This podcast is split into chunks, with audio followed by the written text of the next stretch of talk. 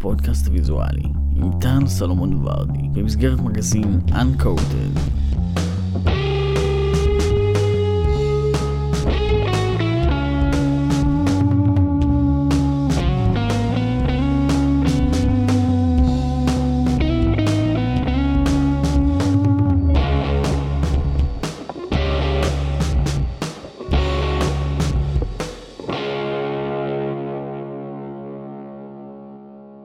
מתרגש לראיין אותך.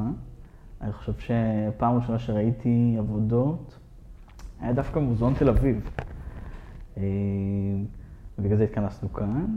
אה, בדקתי כזה כל מיני ספרים, ספרי אמן מאוד מיוחדים, ואני לא הבנתי אם אתה מהארץ או מחו"ל, זאת האמת. ו... כי הספרים לא נראים ישראלים בשום צורה, וזו הייתה חוויה מדהימה. אז אה, לשם כך התכנסנו, ובואו נתחיל רגע בלדבר על התערוכה בנווה שכטר, השתאות, אה, תערוכה מדהימה, שהיא תהיה עד מתי? התערוכה תהיה עד ל-21 למרץ. אוקיי. ובוא נדבר שנייה על התהליך, כי באמת אה, שלוש שנים לא הצגת בתערוכות, ופתאום זה מין... אותי זה הפתיע, אני הגעתי שם במקרה. לחלוטין. אז אה, תספר על התהליך, זה מעניין, מתי זה התחיל, איך התחיל החיבור עם אה, שירה, האוצרת? החיבור עם שירה בעצם uh, התחיל uh, לפני משהו כמו עשר שנים. אוקיי. Okay. Um, בקשר לתערוכה שאף פעם לא התרחשה. היא אז, במסגרת העבודה שלה במוזיאון uh, בית התפוצות, היא התחילה לעצור תערוכה על אה, קבלה. אה, ובאותה תקופה גרנו בירושלים ועשיתי אה, כמה סדרות של רישומים על קבלה. כיוון שיש השפעה מאוד גדולה של קבלה בירושלים, אתה מאוד פוגש את זה. במסגרת השנים, מפעם לפעם היא הייתה מצרפת אותי כשהיא התחילה לעשות תערוכות קבוצתיות במסגרת העבודה שלה בנווה שכטר, אמ, ואז הצגתי. אני חושב שבאמת התערוכה הנוכחית זה למעשה בעקבות אה, תערוכה של הבת שלי, שעשתה גם פרפורמנס אה, ו installation, קוראים לה דינה גולדשטיין. אוקיי. אוקיי. היא עושה מה שהיא מגדירה כ-live um, animation. שהיא בונה סט מ-cutouts וכל מיני דברים שהיא מזיזה אותם, מצלמת אותם, יש מוזיקה מקורית שמלחינים במיוחד עבורה. אמ, היא מצלמת את זה ומזיזה את זה בעזרת אסיסטנטית אה, הרבה פעמים. אה, בתערוכה שלה בנווה שכטר קראו ספלנדר. אה, זה היה גם סביב פורים, כי הרבה מהנושאים של התערוכות בנווה שכטר זה סביב עונות השנה, החגים ב- ביהדות. אז כפי שאני שזאת uh, מסורת uh, משפחת גולדשטיין uh, להציג בנווה שכטר בפורים. Um, התערוכה למעשה נולדה um, בעקבות תקופה של קרוב לשלוש שנים שהפסקתי להציג תערוכות אה, בעקבות שני ביקורים לפולין. פעם אחת הייתי מוזמן על ידי המכון הפולני ונסעתי עם רעייתי ענת. אה, וזאת הייתה חוויה מאוד מאוד יפה ומאוד מאוד מעניינת מבחינה אנושית. ההורים שלי באים מפולין, אה, הם עברו שם שש שנים של המלחמה וגם החיים לפני. ברחו מפולין אחרי המלחמה, היו חמש שנים בגרמניה, במחנה עקורים.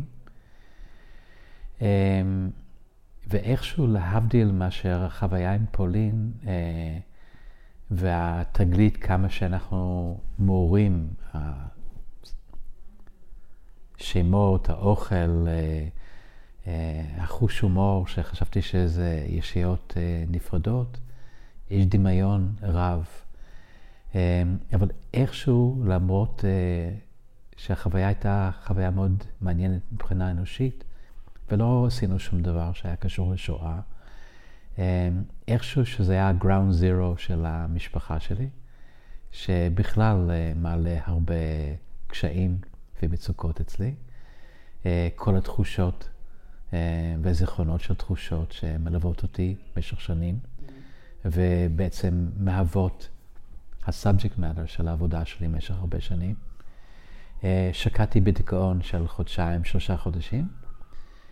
וכשיצאתי מזה, אז אח שלי, שחי בארצות הברית בניו יורק, שהוא יהלומן, רצה שאנחנו ניסע ביחד וניסע ללודג' איפה שההורים שלי היו בזמן המלחמה, ואימא שלי גדלה. אמ, שוב פעם חוויה מעניינת, שוב פעם לא שואה, אבל uh, קשה מאוד לברוח מזה, שם בפולין. אה, וכשחזרתי, אה, עוד פעם שקעתי בדיכאון, והתחלתי לעשות שינויים בחיים שלי. אה, התחלתי לכתוב, לקחתי מאמנת כתיבה, דנה חפץ, דנה פרייבר חפץ, שהיא בין השאר רב פעלולים, אה, אבל היא גם סופרת, כותבת גם שירה וגם ספרים, אה, סיפורים אה, קצרים, ובעצם הרומן הראשון שלה. בעברית או באנגלית? היא כותבת בעברית, למרות שאני כותב באנגלית. כן, ראיתי. כן, כי העברית שלי, כמו שאתה שומע, היא מאוד מאוד פונקציונלית ובסיסית, והכתיבה היא זרה, אני מרגיש קצת כמו נכה כשאני מנסה לכתוב בעברית.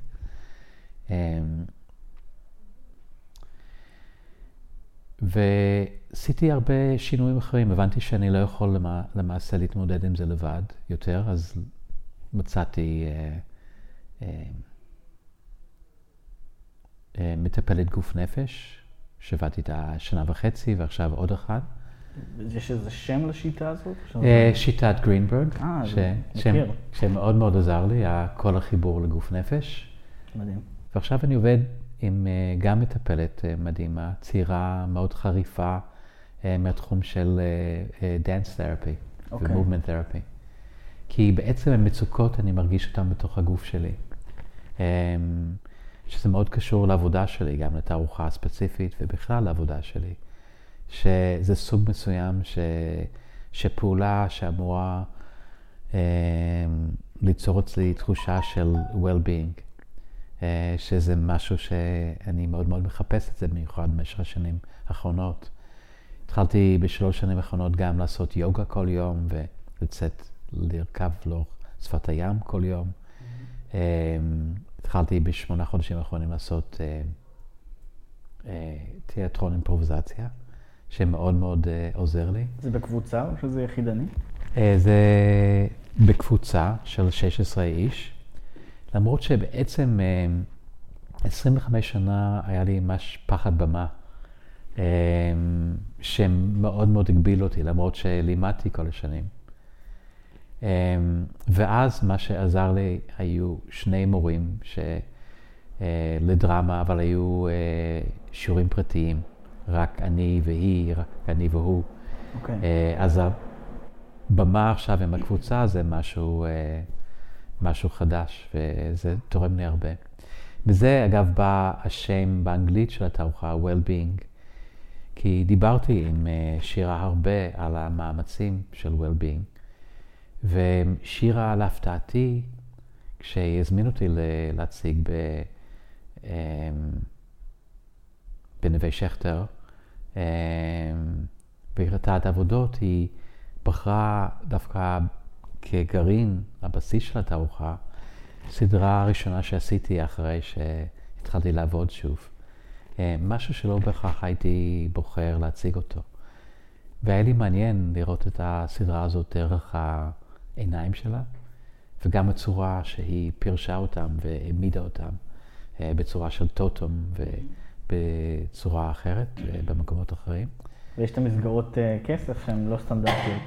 כן, וזה גם, התערוכה בכלל, כל המדע והבחירה, זה של עבודה של האוצרת שירה פרידמן, שהיה לי מאוד מאוד נעים ומאוד חשוב לעבוד איתה. אני תמיד עובד uh, לבד ובבדידות. Um, אין לי שמץ של מושג מה ואיך להציג את הדברים. חשוב לי התהליך של עבודה עם אוצרת או עם אוצר. ואני כמעט נותן קארט בלאנש, חופשית, uh, יד חופשית לאוצרת לעשות עם העבודות מה שהיא רוצה, למרות שאני מעורב בתהליך, אבל החלטות אני מעדיף שמישהו אחר יעשה אותם.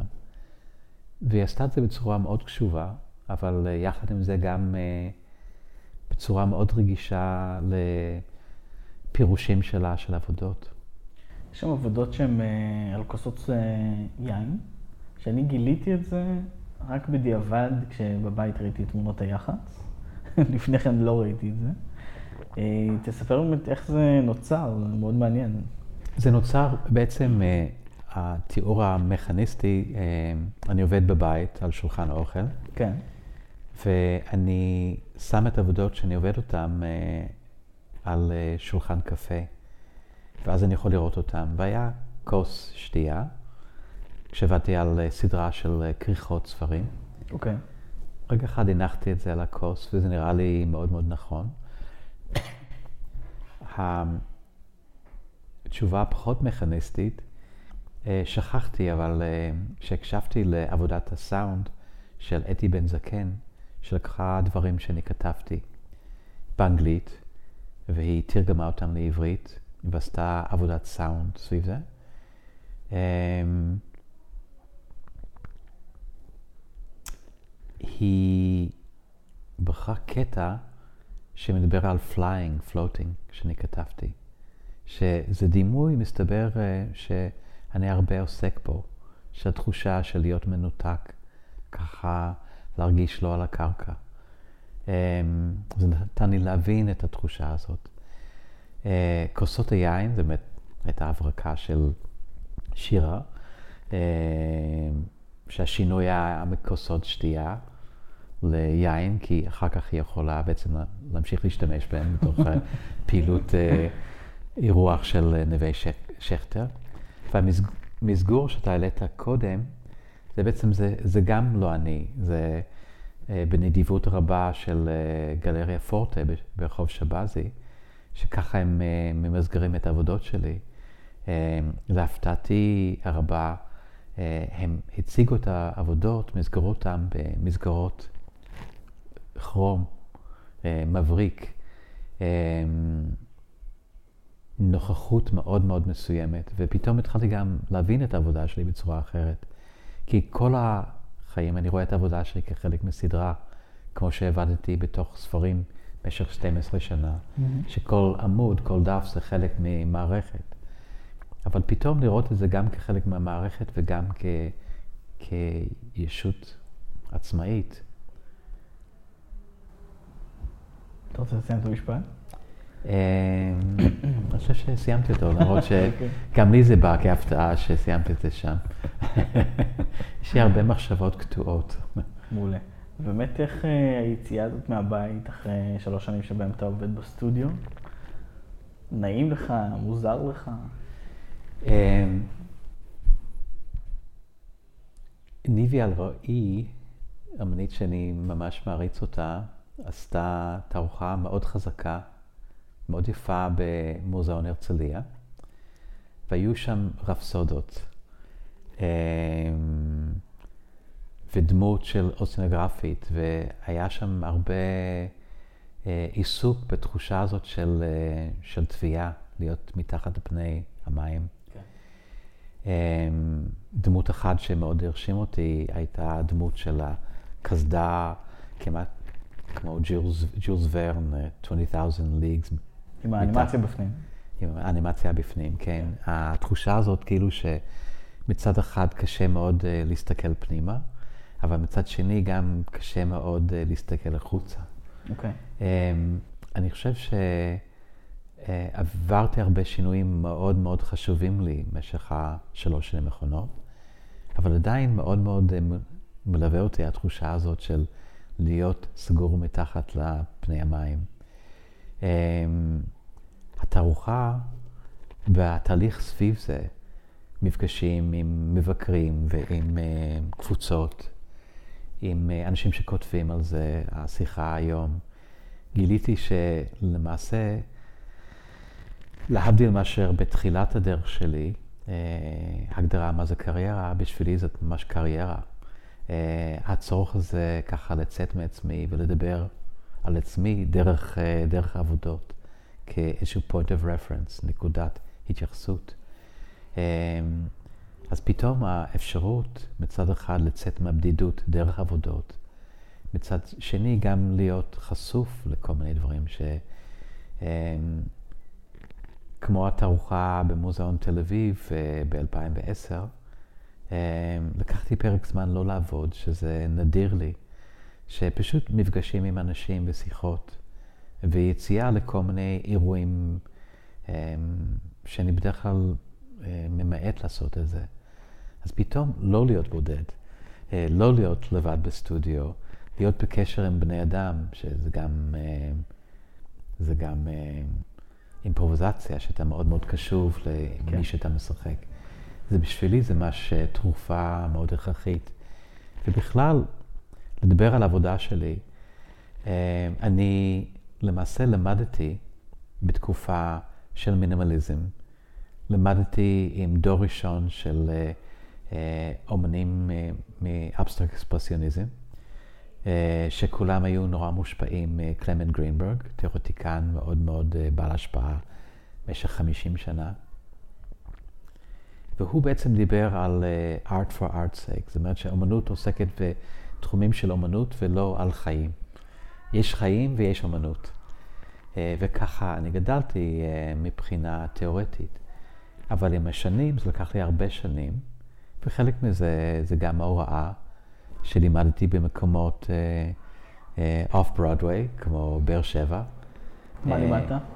לימדתי uh, אומנות, אבל האוכלוסייה הייתה מאוד מגוונת. היו אנשים מעיירות פיתוח, ממושבים, uh, יישובים בדואים, uh, יישובים... Uh, אה, ערבים אה, ישראלים מצפון הארץ, מתנחלים מימית וכל מיני עוטף עזה ועזה. אנשים שלא היו בהכרח החומר של בתי ספר לאומנות רגילים. לימדתי גם בקלישר, זיכרונו לברכה, בית ספר שלא קיים יותר. כן. אבל אנשים מדהימים שהיו שם.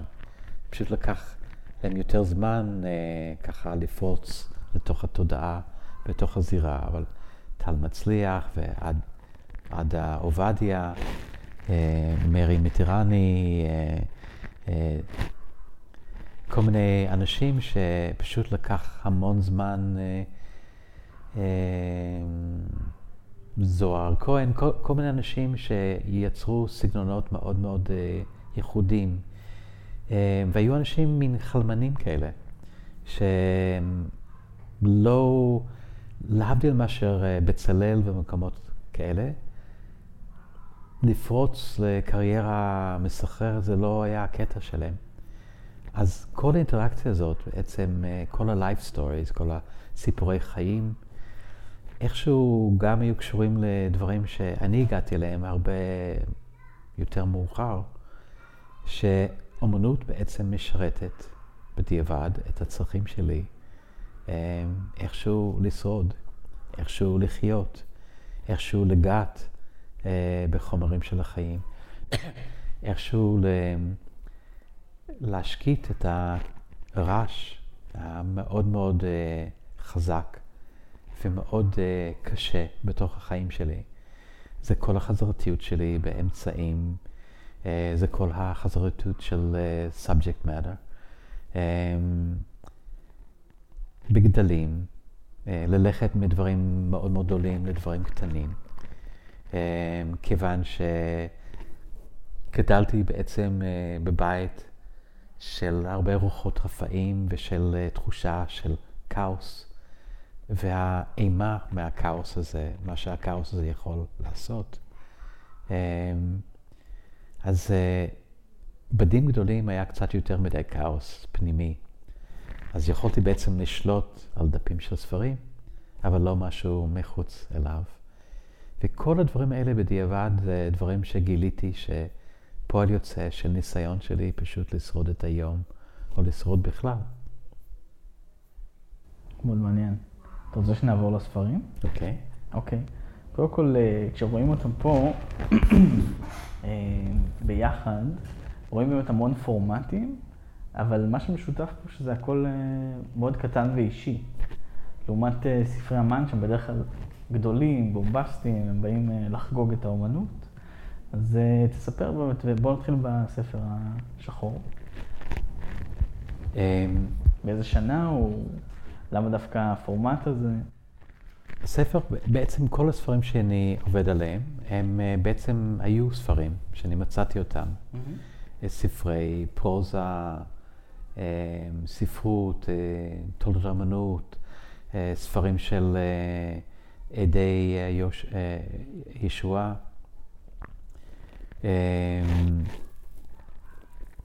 ויש משהו בספר שנוגע לליבי. משהו כמעט תגובה אירוטית כשאני רואה את זה. אני ממש מרגיש מין רטט כזה מאוד אירוטי כשאני מסתכל על זה. הספר הראשון שעבדתי עליו, אמ, או הוצאתי במהדורה, אה, קוראים לו Be True, וזה בעצם ספר אה, דת אה, על משהו לותרני או בפטיסטי.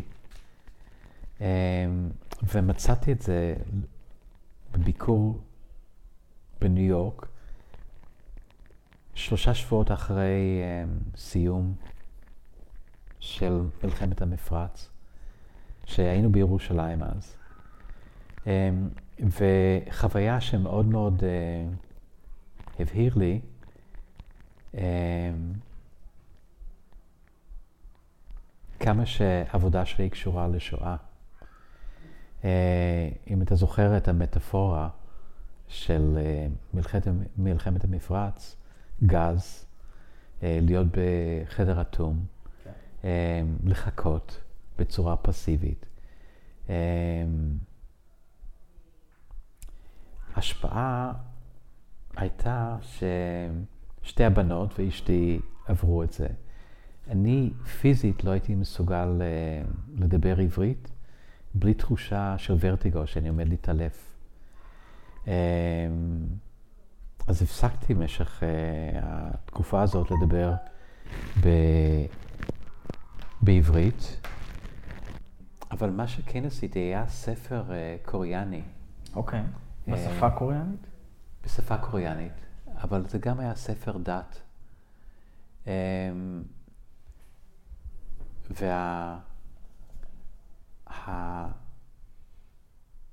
והספר וה... שעבדתי עליו, שזה לא הספר הזה, אה, היה די היסטרי, זה היה ממש שיחות עם אלוהים.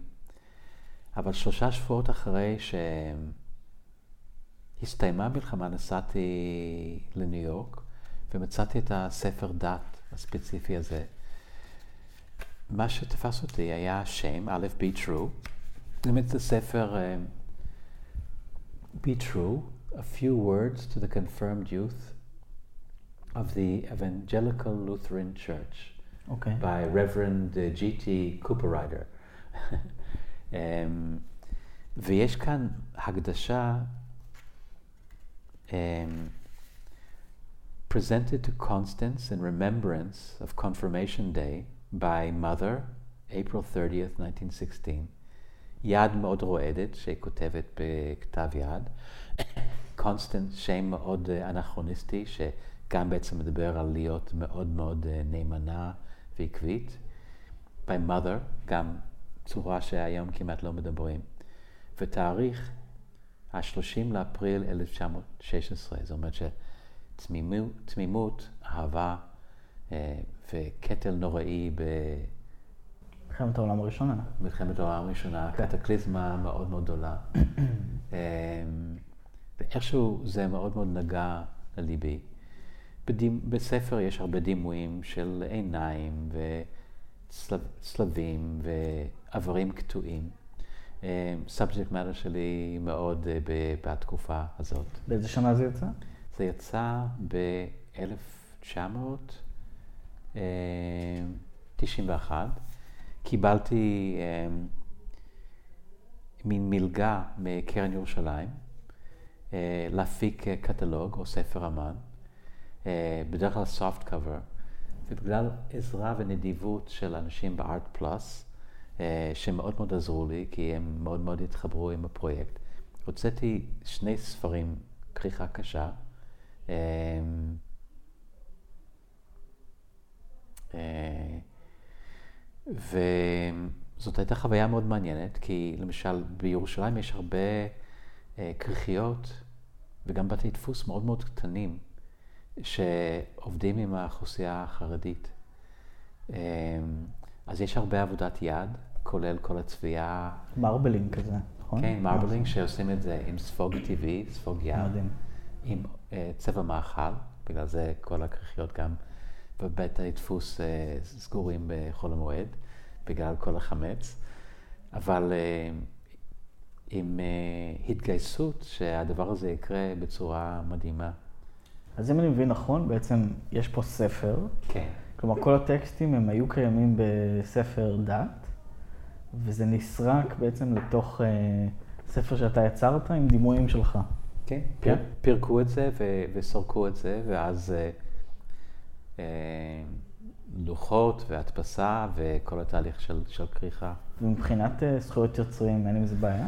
אה, זה פחות עלה, אני כל הזמן חי בפחד. אה, אני... שיום אחד ידפקו בדלת. כן, כן. אני, גם כשאני הוצאתי אותם, השאלה של זכויות יוצרים באמת היה פחות. גם בתחומים, נגיד, של השפעה במוזיקה זה היה פחות קיים, באומנויות הגרפיות וחזותיות זה גם היה פחות קיים. האקלים, האקלים מאוד מאוד השתנה מאז, אבל בינתיים לקחתי דברים שאולי קצת פחות בעייתיים. מעניין. והספר שלידו? אה, זה הספר שהיה מין מחברת, מחברת על, אה, עם, עם, אה, עם קווים, okay. עם אוקיי. פסים, מין מחברת של בית ספר, שיצרתי מין דמויות של גולם, וזה עבר מצד אחד לצד שני, ומה שחזרתי את. הדמות הזאת, המאוד מאוד אה, של גולם. וזאת גם הייתה חוויה מעניינת בתוך, ה... כי הכריכייה שכרכה את הספר, אה, היו בעיקר חרדים שעבדו שם. ואחד אה, היה תולדות אהרון, שכל הזמן שאל אותי על ה... למה העין מעל הטיפת דם, ולמה זה ולמה זה, וזה חלק גם מהחוויה שלי של התפכחות. שיש משמעויות מעבר ל-art for art sake, שיש משהו שקורה. לא, לא ייחס לזה חשיבות אז, אבל מה שכן קרה היה פשוט אה, מין מצב ש, שזה התחיל איזשהו תהליך של חשיבה אחרת. אז בעצם כל פעם הדימוי עבר לצד שני, וככה המשכת אותו עד סוף החוברת, כן. סקצ'בוק. כן. מדהים. אז פירקתי אותו, והסיבה אה, אגב שעשיתי את זה היה... לא הייתי מודע לזה שיש עוד ספרי אמן, ויש בכלל קטע כזה של ספרי אמן. אבל um, רדף אותי אז מאוד התחושה הזאת בכלל uh, ביצירה שלי, וזה לשכוח ולשכח, uh, לא להשאיר uh, עקבות. והיה לי חשוב לעשות את העבודה, היה לי חשוב גם שהיו מתועדים. אה, שיהיו אה, במהדורות, שיהיה יותר מאשר אחד, שהם יסתובבו, אה, וגם שיהיו באוספים של מוזיאונים, שיישאר משהו אחרי החיים שלי. בינתיים הדברים קצת נרגעו אצלי. נשמע חרדתי. כן, יש חרדות אחרות, אבל החרדות של שכיחה, אני לא חושב שהרבה נשאר אחרי המוות, וגם דברים נשכחים די מהר, במיוחד במציאות ישראלית. ומה זה ספר שלידו? אמ, עין וציון? עין, בעצם ישראלים קוראים לזה, כי אני כותב את זה תמיד בלטינית, אותיות לטיניות, ובעברית קוראים לזה עין לציון, מהתקווה. אבל האמריקאים קוראים לזה עין לזין, שיש לזה משמעות אחרת. כפל לשון מאוד מאוד התחיל תפקיד בתוך העבודה שלי. ובעצם זה עשוי על סדרה של גלויות של פלפות, גלויות תיירות על ירושלים, okay. אוקיי. שהשאירו מאחורה את ה... אני השארתי את הכותרות המקוריות, למשל, uh, חוץ מהדימוי שלי שיושב על הגלויה, בגלויה עצמה רואים רגליים של שתי חרדיות, שני חרדים. אה, שנמצאים באיזשהו אה, מעבר אה, צר מאוד מולבש, והם קוראים לזה באנגלית a Talmudic discussion. ויש גם שתי נזירות שהולכות מתחת לדימוי שלי, שזה דימוי אנטומי, וקוראים לזה a council of sages. זאת אומרת שכל הזמן בעצם משחקים עם, ה... עם, ה... עם הדימוי הזה שהם רוצים שאנשים אה, יראו. אה, אנשים שבאים כצליינים ואנשים שבעצם באים לירושלים אה, לכל כל סיבה שהיא. וזה קולאז' או שאתה בעצם... זה קולאז', זה דברים שאני גזרתי מ... מספרים אחרים. וטושים לבנים גם? טיפקס. חומרים קלאסיים. יש לי training מאוד מאוד רנסנסי. איזה כיף זה. והטקסטים אה, שמצורפים, זה לא הספר הראשון שיש בו טקסטים בצורת חוברת אה, חיצונית. כן. אני חושב שגם פה. אה, כן, כמעט כל ספר שאני הוצאתי, הטקסט היה בחוברת נפרדת, ש, שלא לשנות את, ה, את המהות המקורית של, ה, של הדימויים. מדהים. זה מ-95. כן. זה מה שכתוב בפנים. אוקיי, אז זה ב-95, כן. הזיכרון שלי לא, לא משהו. אמ, וזה היה אה, שיתוף עם, אה, עם חגי שגב, שכתב את הטקסט. גרת אז קרוב למקומות של תיירים? כן, גרנו בירושלים. באיזה אזור? גרנו ברחביה, אז. אמ, רחביה, אזור מדהים אה, בירושלים, אז בשבילי באמת היה מקום מדהים. הרבה הייתי מגיע למאה הייתי מגיע לשוק, הייתי הולך כמה פעמים בשבוע לעיר העתיקה. כלומר, בשנות ה-90 הייתם בירושלים. כן, בעצם מ-89 עד 2011 היה משהו כזה. שנים תאונות בטירוף. כן. הרבה פיגועים ו... הרבה בטיחות. כן, אבל בעצם היינו, אה, לפני זה, באתי לראשונה ב-70. והיינו שנה וחצי בירושלים, אה, וזאת הייתה מציאות אחרת לגמרי. העיר הייתה פתוחה לגמרי. אה, לא היה כמעט הבדל בין מזרח ומערב, גם באינטראקציה בין אנשים וגם התנועה של אנשים. זאת הייתה מציאות פשוט מדהימה. אה, עם השנים באמת זה מאוד מאוד השתנה, וזה הפך להיות ישיות מאוד נפרדות. אבל בכלל זה המהות של ירושלים. כן. שתל אביב אתה עובר מרובע לרובע, אתה בכלל לא מודע או מרגיש את זה. ירושלים זה מקום של חומות, של uh, באמת טריטוריה גיאוגרפית מאוד מאוד מחולקת. אתה מודע לגמרי אם אתה באזור חרדי, או אם אתה באזור דתי-לאומי, או אם אתה באזור חילוני, או uh, אזורים ערבים, זה, זה לגמרי uh, והדברים גם מתרחשים מאחורי אה, חומות. אתה יכול להיות שם עשורים, ואז לגלות מקומות כמו עולמות שלמים של הכנסייה האורתודוקסית יוונית, שאתה כאילו באימפריה הביזנטית, אה, עם כל המנהגים וכל האמונות, או להיכנס לאזור ופתאום אתה באוסטריה של מאה ה-19. וכמה הדברים האלה מחלחלים לתוך האומנות שלך? כל הזמן הדברים האלה. אה, המצב הפוליטי, החברתי, התודעתי, הקיומי, אה, והתנגשויות הרבה פעמים בין התפיסות, כמו אה, רב תרבותיות ומציאות שאתה בעצם חי את זה, גם בירושלים, גם בתל אביב, גם בישראל, גם במזרח התיכון, גם בכל האזורים שהיו חלק מהאימפריה מה, העות'מאנית.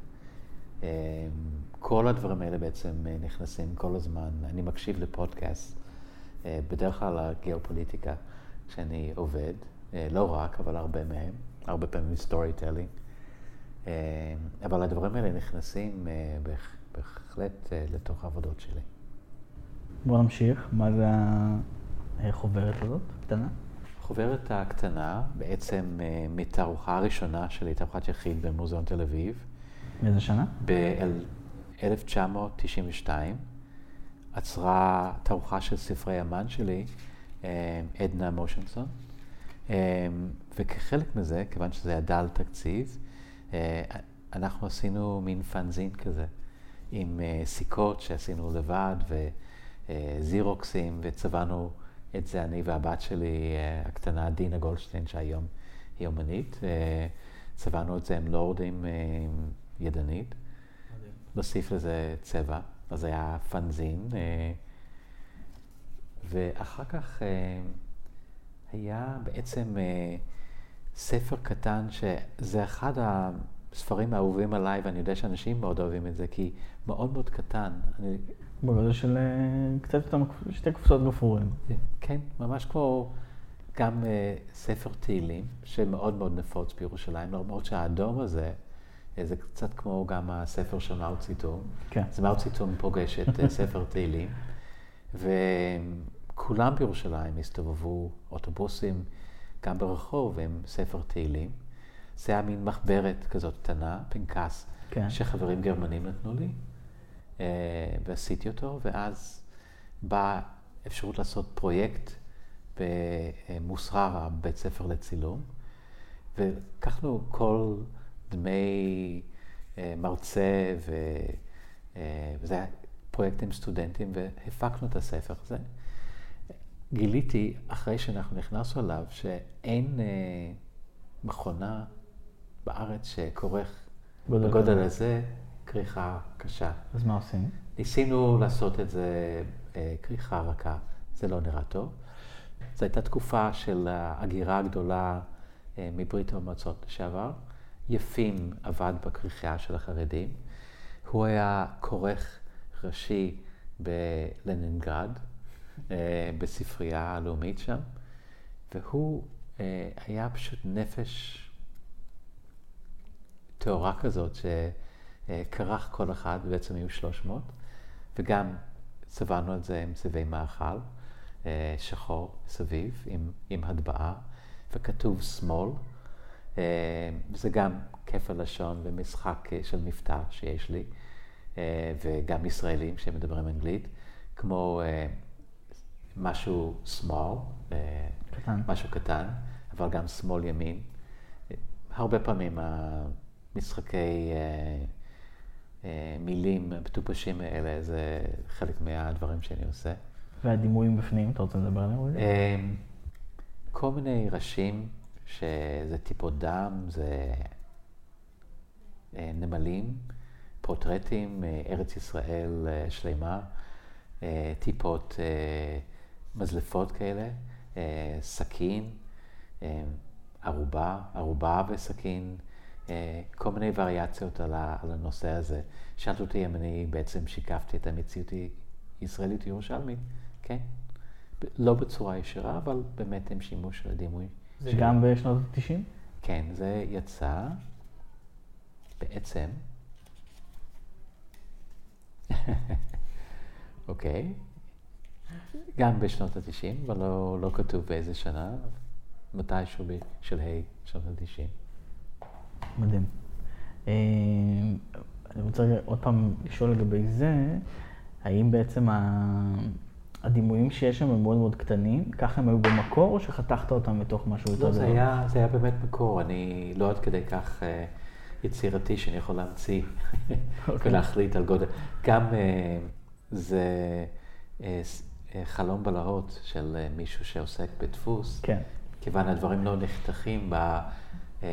למקסם את היעילות של הדף. בבליד, כן. כן, הרבה, יש הרבה פחת, הרבה שהולך לאיבוד, אבל ככה זה צריך להיות. כי חלק גדול זה בעצם התגובה הפיזית שלי, התגובה הגופנית אל, ה, אל הספר כ, כחפץ. מדהים. ומה... גם, גם בכלל okay. אוקיי. כל העניין הזה של להחזיק בספר, ככה לעלעל בו, לרפרף, להריח אותו, להחזיק את זה קרוב לגוף. זה בלתי בכל החוויה הזאת התרבותית של, אה, של אה, אה, להחזיק ספר. גם בירושלים רואים את זה, גם יש כריכיות קטנות שאנשים מביאים כל מיני ספרים שהיו ברשות המשפחה, ומביאים אותם ככה לכרוך אותם מחדש, כי הם התפרקו, ורואים את החשיבות של ספר כחפץ, כעזר אה, זיכרון. אז יש הרבה הילה כשאתה מחזיק ספר בתוך ה... כל כך הרבה חוויות לפני שאתה בעצם אה, פותח. אתה חושב שיש משהו יותר אינטימי ב... אה, בלחוות בעצם ספר אמן מאשר לצפות בעבודות אומנות בגלריה? חוויה היה אחרת, אבל מאוד... אה, זה מאוד תלוי, כי הרבה אמנות היא, היא לא לוקחת היום כ, כערך אה, אה, חוויה מאוד אינטימית. זה אחת הסיבות שאני מאוד אוהב עבודות נייר בכלל, כי יש משהו מאוד אינטימי אה, בכל החוויה הזאת. שנים, אה, וגם עכשיו, אני חווה תמיד יצירה בכמה סנטימטר מהיצירה לפני שאני מתרחק לראות מה מצויר. מה בא אחרי זה? בא בעצם אה, אה, ספר שליווה אה, תערוכה אה, יחיד במוזיאון היהודי בסן פרנסיסקו, ובעצם אה, לקחנו ספר אה, שעבדתי עליו, ספר שקוראים לזה לוטו, okay. אוקיי. על אמן רנסנסי. אה, מאוד חשוב, שאז כשעבדתי עליו נשכח לגמרי. זה בדיוק אה, כמה שנים אחר כך הוא התחיל להתגלות עוד פעם. היה פתאום אין עוד פעם, המטרופוליטין פתאום עשה תערוכה. וגם הגורל הזה שאומרים לוטו אז, גם היום, הקונוטציה זה משחקי לוטו. והלכתי בעצם לפי המבנה של הספר, של ה... טקסטים. טקסטים של מי? אה, טקסטים אה, שאנשים כתבו וגם אה, על, על לוטו, גם איפה שבאזור סופים בעולם הדברים היו, דברים שבעצם השארתי עוד פעם, ארץ ישראל השלמה, ראש גולגולת, ראש מוות, סכין,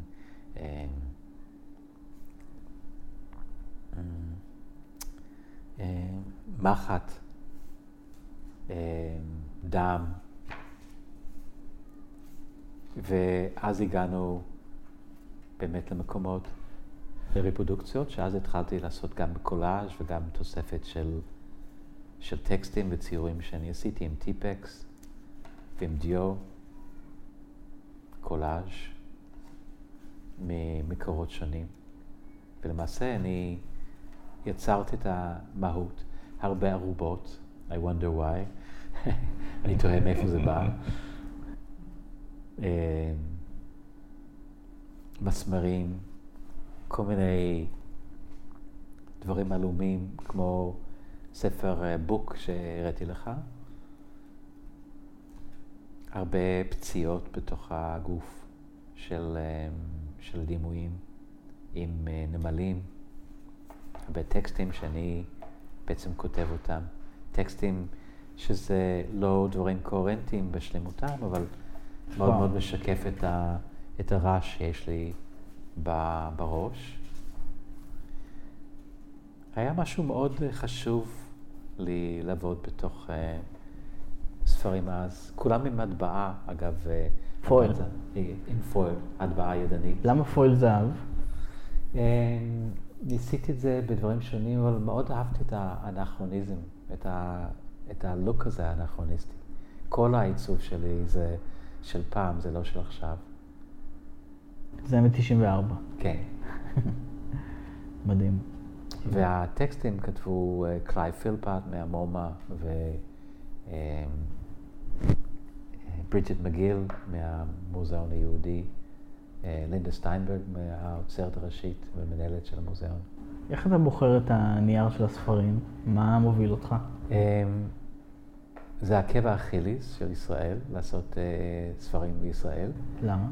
כיוון שאין מבחר מאוד גדול, כי זה שוק קטן, ואנשים רוצים דברים גם סטנדרטיים וגם דברים לא יקרים, אז אין הרבה ניירות בוטיק, ואם כן, הם מאוד מאוד יקרים.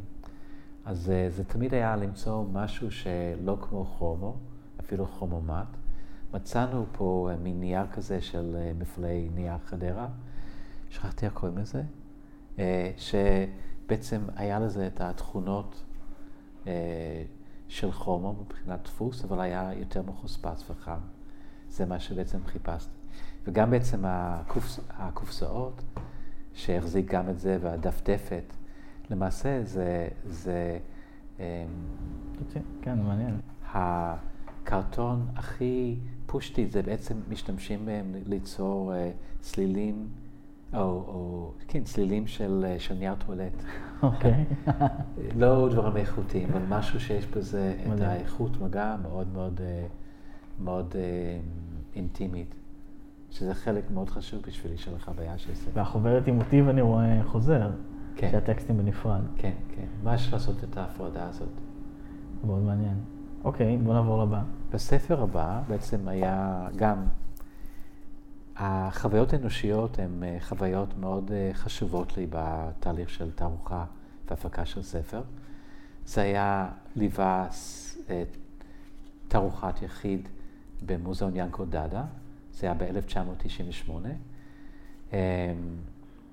שבאתי אליו במשך שנה עם האוצר סורין הלר. Okay. אוקיי. אמ, סורין מאוד הפתיע אותי, כי בעצם בצורה מפתיעה, הספר עוסק קצת בדמות של אבא שלי, שהיה אולי, אז הסתכלתי עליו כדמות משנית בתוך החיים שלי. אמ, ובצורה מקרית, הוא גם אה, נפטר בארצות הברית, להעמיד את התערוכה. אה, נסעתי אה, ללוויה של, של אדם שבעצם עזבתי את הבית בגיל 18. גיליתי שני אנשים, אימא שלי שהייתה עדיין בחיים, ואבא שלי שבעצם לא הכרתי. חשבתי שאנחנו נהיה לבד בלוויה, וגיליתי שיש משהו בין 200 ל-300 אנשים שבלוויה. שהכירו אותו. שגם הכירו אותו וגם uh, אהבו אותו. Uh, לא ידעתי שיש לו חברים ושהוא חלק מקהילה. כי הוא לא דיבר איתי. אה, אה, וגיליתי באמת אה, אדם שלא הכרתי, גם הניצולים האחרים שהכירו אותו בגטו, באו במיוחד וסיפרו לי עליו. הנכדים שלו הילדים של האחות ואח שלי סיפרו לנו דברים שהוא סיפר להם שהוא אף פעם לא סיפר לנו. אז היה חלק מתהליך של לגלות אדם שלא הכרתי, אדם שעם השנים באמת מאוד למדתי להשלים איתו. לקח לי הרבה זמן. אבל uh, גם בביקור לפולין, אח שלי שהוא חמש שנים יותר צעיר ממני ונשאר בקשר איתו ממש, אמ, הוא סיפר לי על, עליו, אה, והיה ברור שאבא שלי ואימא, הם המשיכו להתפתח כל השנים שלא הייתי בקשר איתם. אבל אני נשארתי מתבגר בקשר אליהם, ובכלל כמתבגר. וזה היה חלק מתהליך מאוד מעניין. זה קצת כמו מאה שנות אה, בדידות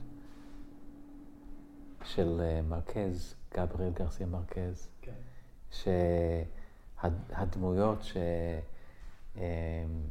שמנהלות דיאלוג וקשר עם המתים שנים אחרי ש... שמתים. ואני חושב שזה די מבוסס על חוויה אמיתית.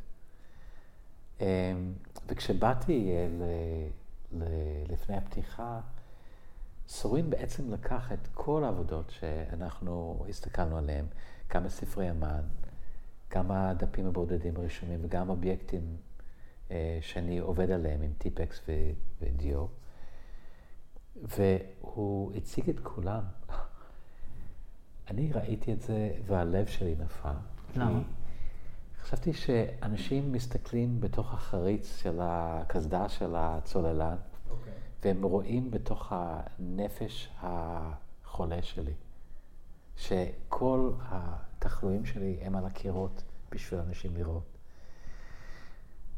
אני הייתי כל כך אומלל, באתי לענת, אני אמרתי, אני, אני לא יודע איך אני יכול ללכת לפתיחה. ובכל אופן נסענו לפתיחה, אני וענת, שתי הבנות, אנחנו באנו מירושלים. עוד פעם, זו הייתה חוויה נורא קשה. ונסעתי עוד פעם אה, כמה ימים אחרי הפתיחה, ופתאום הבנתי שככה צריכים לראות את העבודות שלי. שהוא הבין שהפתולוגיה, שהמצוקות האלה, אה, של האגרסיביות של, ה, אה, של הפתולוגיות והמצוקות, הזעקה הזאת אל העולם, הזעקה, השאגה אל הצופה, זה בעצם מהות העולם. ולזה התכוונתי כשלעבוד עם עוצרת, לעבוד עם עוצר שמאוד קשור ומאוד רגיש לעבודות אה, ולתת להם אה, לעשות מה שהם יודעים לעשות. גם אה, פעם ראשונה הוא לקח את העבודות והוא ככה יצר בלוקים מאוד דחוסים, שכמעט הפך להיות תבנית של התפוגה. זה היה שיעור מהלך. והגדולה, באמת הכישרון של סורין זה למעשה אה, לחוש ולעבוד אה, עם, עם, אה, עם התחושות, עם האינטואיציות שלו, ורק לא להפריע לו בתוך המהלך הזה. והספר הזה, הדימויים שבו נוצרו אה, לפני ההלוויה או אחרי? לפני. אה, וגם לא, לא חשבתי שאני עוסק בדמות האב, אבל אני ראיתי שהרבה עוסק ב... בפנים, בגוף שלו. אמ, כי הסגנון פה הוא אחר לגמרי. כן, הוא אחר. זה עטים, נכון? זה עט, אה, עט אה, כדורי, אה, דק, שגם מאפיין את העבודה במובן הזה של חזרתיות של פעולה מסוימת, עד שזה היה מאוד labor intensive למלא שטח. וזה היה באמת מין דבר כזה שאחר כך הופיע בהרבה עבודות שלי. אה, גם הספר על אה, אה, ספר של עדי יהובה, כן. אותו גודל וגם השם, שתמיד אני משתמש בשם של הספר כהספר שלי, אונבון נובל, קיוו רונדרה ארה, An altered book by Gary Goldstein, um, Good News that will make you happy, um, שאגב מאוד מנבא את ה-well-being של uh, השם של התערוכה הנוכחית. Uh, וגם באמת מאוד uh, עסק בכל תחושות הגוף ש, uh, שליוו את התערוכה הנוכחית במכון שכטר. ופה יש פויל אדום. בספר ירוק. פויל אדום, כן. כן. יש, יש מגוון, פלטה של אה, פוילים, אה, לא פלטה גדולה, אבל מי שבאמת עשה את הבלט, אה, זה היה באותו כריכייה, לא, סליחה, זה היה, כן, זה היה באותו אחד הקטן שעשיתי את הספרים הקודמים, ומי שעשה את זה היה רב חובל בצי המסחרי בברית המועצות. אוקיי. Okay. שבא והוא עבד והוא שיחק עם הפרוילים, כל אחד באופן ידני, עד שאנחנו מצאנו קעקועים, איש מבוגר, אה, כמו אה, אה, פין, אה, איך קוראים לו? אה, שאכל את הטרד. פופאי. פופאי, כן, אה, מין זרועות כאלה. איש עדין נפש כזה. באמת נתקלים נדיבות והתלהבות של אנשים שעושים את הדברים ומאפשרים את זה לקרות. זה גם בירושלים. כן, גם בירושלים. מדהים, והספר הצהוב? ספר הצהוב, זה קוראים לזה Peace Talks, כי עבדתי בתקופה של המשא ומתן אה, עם רבין. אה, ספר באמת כמהדורה שיצא עם תערוכת יחיד בקאן, בארטוטק בצרפת, בנורמנדי, וזה יצא ב-2000, ושחזר את המחברת הזאת אה, שעבדתי אליו. אה, והטקסט פה דווקא בתוך הספר, זה אחד הטקסטים יפים ופיוטיים. אה, קלר טונג'י, האוצרת של המקום, כתבה גם בצרפתית ובאנגלית, תורגם לאנגלית, כתבה את הטקסט כמכתב אליי, שאחרי הרבה שנים שלא קראתי את זה, קראתי את זה לאחרונה, וזה כל כך נגע בי הצורה האישית שהיא כתבה עליי, שאני מודה לה על זה. זה עדיין מהדהד. יותר, אפילו, יותר אה, מהדהד. אמ, דיברתי על בעצם השינוי, אה, על התפיסה שלי של קריירה. אמ, ובדיעבד הקשר החשוב זה קשר אנושי. הקשר הטוב שיוצא, ואם לפעמים גם משהו צורם, אז זה צובע אה, לכל דור, דורות שאני בחיים את החוויה הזאת. אז הקשר האנושי זה מה שאני מחפש כשאני מלמד, כשאני בקשר עם בני אדם, ובטח כשאני בתוך uh, תהליך של עבודה תערוכה או ספר. מדהים. אתה רוצה להמשיך? כן. זה אגב ספר צהוב עם פויל uh, שחור.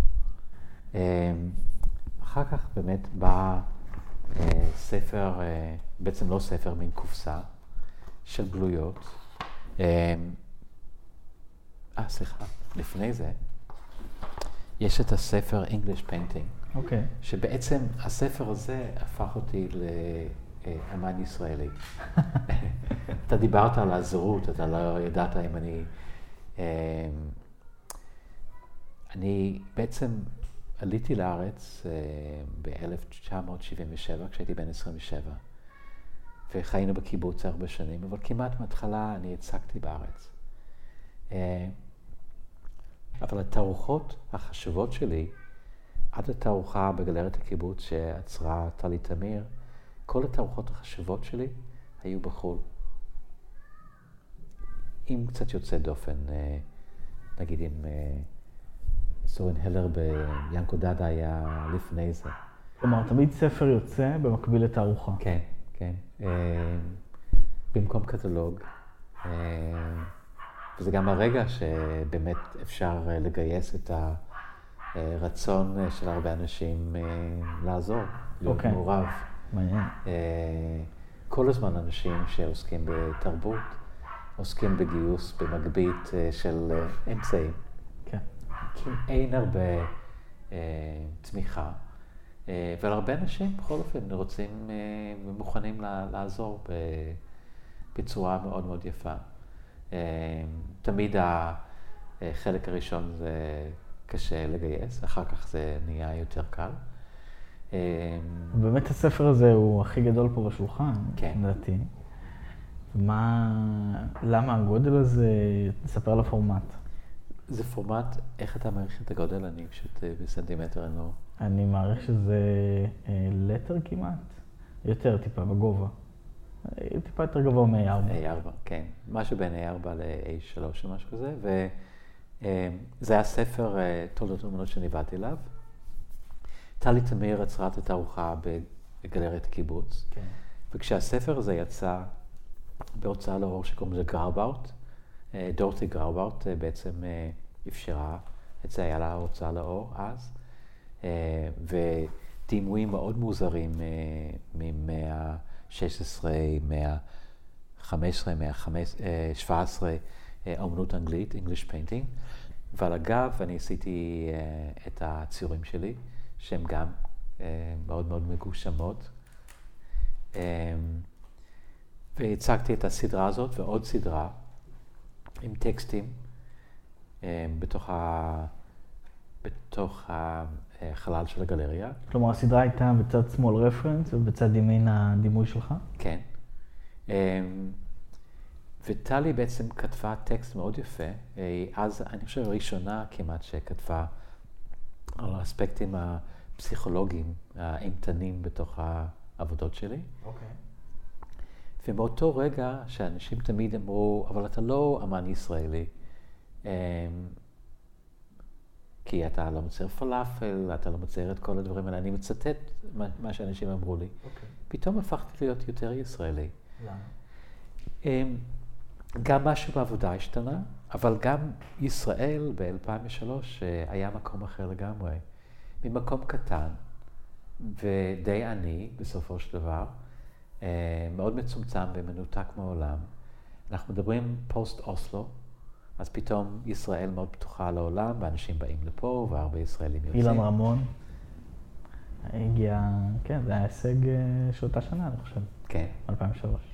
זה בעקבות הגירה מסיבית מברית המועצות לשעבר, עם אנשים מדהימים ומאוד משכילים, שבשנה אחת uh, בעצם uh, היה גידול של חמישה אחוז. וזה היה פתאום 20 אחוז מהמדינה, פתאום 20 אחוז יותר.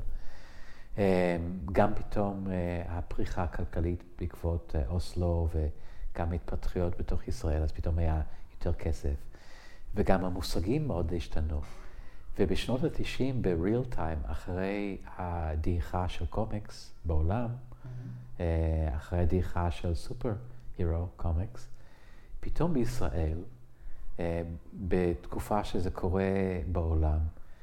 אה, צומחת אה, גרדיה בשורה ראשונה במונחים עולמיים של קומיק, גרפיק נובל ארטיסט קומיק. זה רוטו מודן, זה ירמי פינקוס, זה בתיה קולטון, כל מיני אנשים שעושים דברים מדהימים. ופתאום יש חבר'ה צעירים שאוהבים קומיקס. אה, בדרך כלל כשלימדתי במקומות ומישהו עשה דברים אה, קצת שטוחים, אז שלחו אותו ללמוד אה, גרפיקה, אז קראו כן. לזה. אומנות שלי תמיד הייתה גרפית, אז היה נראה פופית ומאוד כמו נטע זר. פתאום היו חבר'ה צעירים, ועד היום חבר'ה צעירים יותר נמשכים לעבודה שלי. פתאום יש אנשים שכל האסתטיקה של קומיקס, של מנגה, של קומיקס אמריקאים, זה לא, לא דבר ש, שנראה להם זר. אז זה היה מעט בי, והרבה בעצם שהיה קשור בעצם להתפתחויות אה, לעולם. כל הדברים בעצם שקשורים לגיאופוליטיקה וגיאו-כלכלה, תנודות של, אה, של אוכלוסיות, שום דבר שבעצם היה קשור אליי. אה, ויש דברים בחיים ש... שאתה לא שולט בהם. טריף, אתה רוצה שנמשיך? כן. אה, תגיד לי אתה, כרונולוגית. Okay. מה... ואז באמת הקופסה הזאת, זמן אחרי זה, הצגתי תערוכה בגלריה אלון שגב, okay. אוקיי. שקראנו לזה Before the Decline, שהיה אחד הדימויים שהשתמשתי. יש כאן רעיון עם, אה, אה, במקרה הזה זה היה, אה, זה היה אה, שוקה גלוטמן, אה, שיחה איתי, שיש גם צילומים שלי כשהייתי צעיר, ואחות ואח כשהיינו צעירים. כשהייתי בנשוויל טנסי, כילד קטן אה, עם, עם האחות שלי. וג'ובוי, אה, יאיר שין, אה, הנה אבא שלי בגרמניה ואחות שנפטרה במחנה הכורים. אה, אני בשנה, בגיל שנה.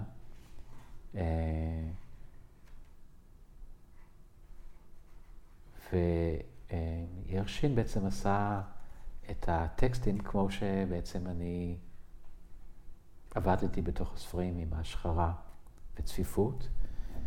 אמ, וזה היה כל מיני גלויות של רישומים שהיו בתוך התערוכה באלון שגב, כולל הסדרה של אה, רישומי קבלה שאיתם אני אה, בעצם פגשתי את שירה פרידמן לראשונה, על התערוכה שלא התקיימה, על, על הקבלה. למה לא התקיימה בסוף? אה, לא היה להם תקציב. כמו הרבה דברים, זה פשוט נפל חוסר תקציב. והדימויים של, ה, של הנקודות, שחידשתי אחרי הרבה שנים שלא עבדתי בנקודות, ובתערוכה בנווה שכטר, well-being, השתאות, יש עוד פעם הרבה דימויים עם, עם נקודות. אה, והספר האחרון, שזה גם קופסה, קופסה של גלויות. זה. אה, סליחה. אה, הנה. אוקיי. יש פה פשוט המון על השולחן, מטורף. יש קופסה ש... של גלויות של בערך 300. זה נמצא במוזיאון תל אביב, ממש בספרייה שם, שווה לקפוץ. אנחנו קוראים לזה He-Man, מטקסט שבעצם השתמשתי, זה found text כזה. אה, וכל מיני דימויים שמצאתי ועבדתי עליהם בכל מיני מקומות, גם 100 ראשים בתוך סדרה של 300. אה, גם דברים אירוטיים, גם דברים אימתניים. והטקסט פה זה שיחה ביני לבין אה, הדס עופרת. שוב, ההתגייסות אה, התנדבותית, אה, נדיבה ומרתקת שאנשים מוכנים בעצם להיכנס, אה, זה הלוואי שהיה ככה בכמעט כל תחום ב, בארץ, למרות שיש הרבה רוח התנדבותית פה. אז זה 2003. זה 2003, כן.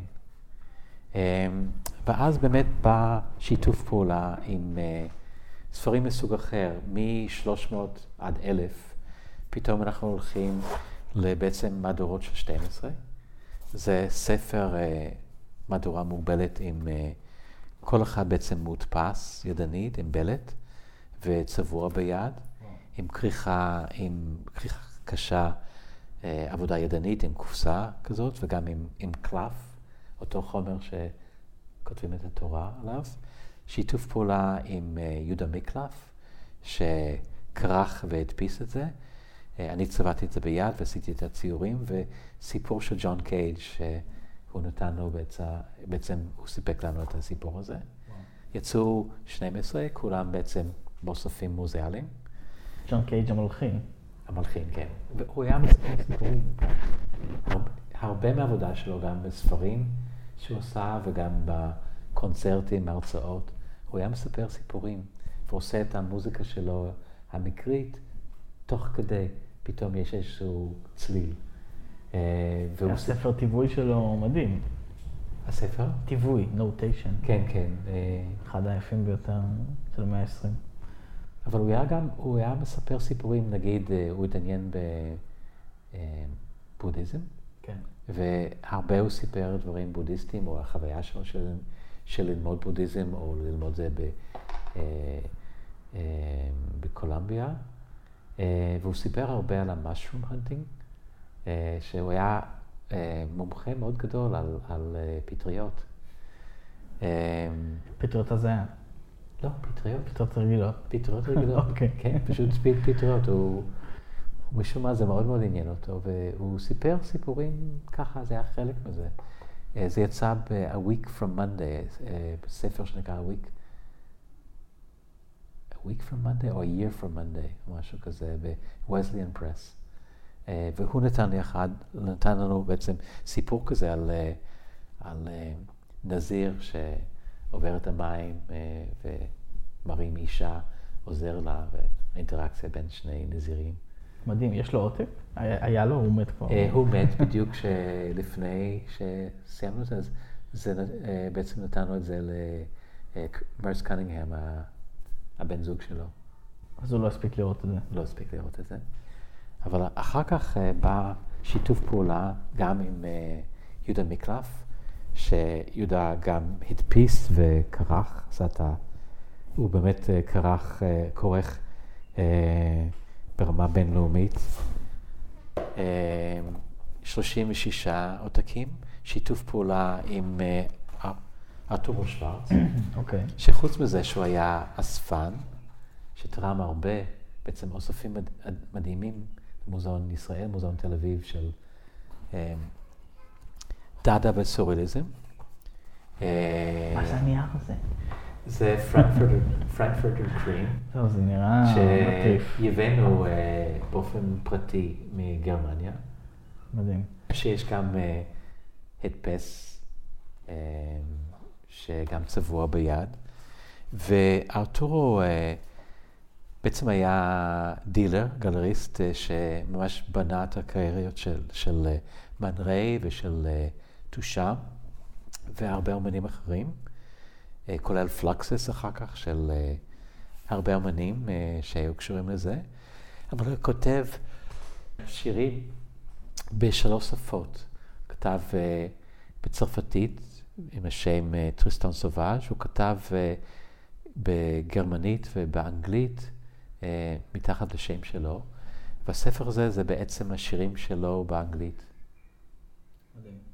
הוא היה אישיות, הוא עדיין, הוא אישיות מרתקת. איך זה הודפס? זה הודפס בעצם אה, הדפסת פלט. אוקיי. אה, שבלט פה וגם הדימויים, אה, אה, בעצם אה, יהודה הזמין אותם עם פלטות כאלה עם בלט, והיה לו Vandercook proofing press, שכל אחד הוא הדפיס באופן, כל דף. כל דף זה הדפסה. טוב. ואז צבעת, הוא כרך את זה וצבעתי אותם ביד. כלומר, זה היה שחור לבן. שחור לבן, כן. עם הדימויים שלי. ויש 130 עותקים כאלה. לא, יש 30 ויש בעצם, יש 36. אה, מה זה ה-130 שם? אה, זה אה, הדפס במהדורה קצת יותר גדולה, לעזור לנו לממן את ההרצאה. הבנתי. וזה גם רובם באוספים מוזיאליים, נשארו עוד כמה. אז יש, אם מישהו רוצה לקנות, לצורך העניין. כן. אם מישהו יש את התקציב לקנות את זה. כן. וואו, מדהים. טוב, תודה רבה לך. My life in pictures.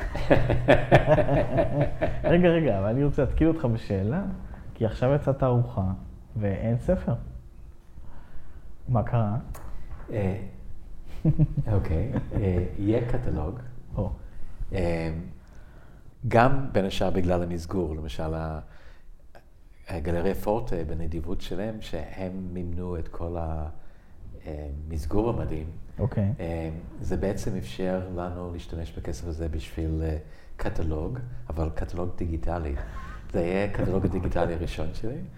אמ, תראה, זה דבר מאוד מאוד מעניין.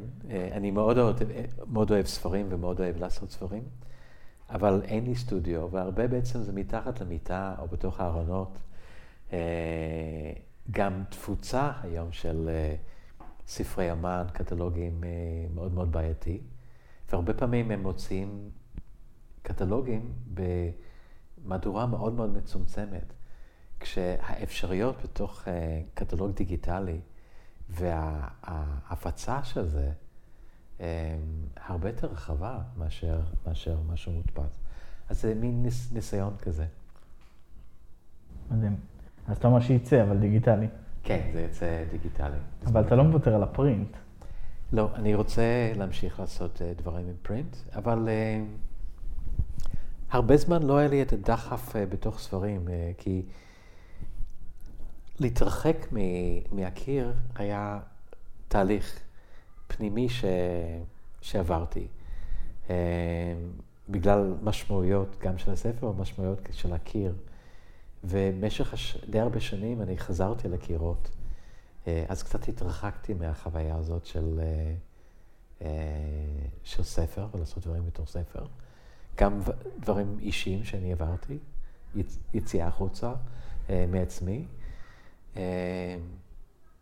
אבל גם, גם הלוגיסטיקה, כי בעצם מה, אפילו למשל, זה, זה מעניין, החוויה של ביקור במוזיאון תל אביב, אתה נכנס והרבה פעמים, לפחות בזמנו, היה, הייתה ערימה על שולחן של קטלוגים ישנים, mm-hmm. מתערוכות. מחירים אה, מוזלים. מחירים מוזלים, וגם אלה ש, שלא נמכרו אחר כך, אה, שזה לא מעט, אחוז לא מעט של הקטלוגים, של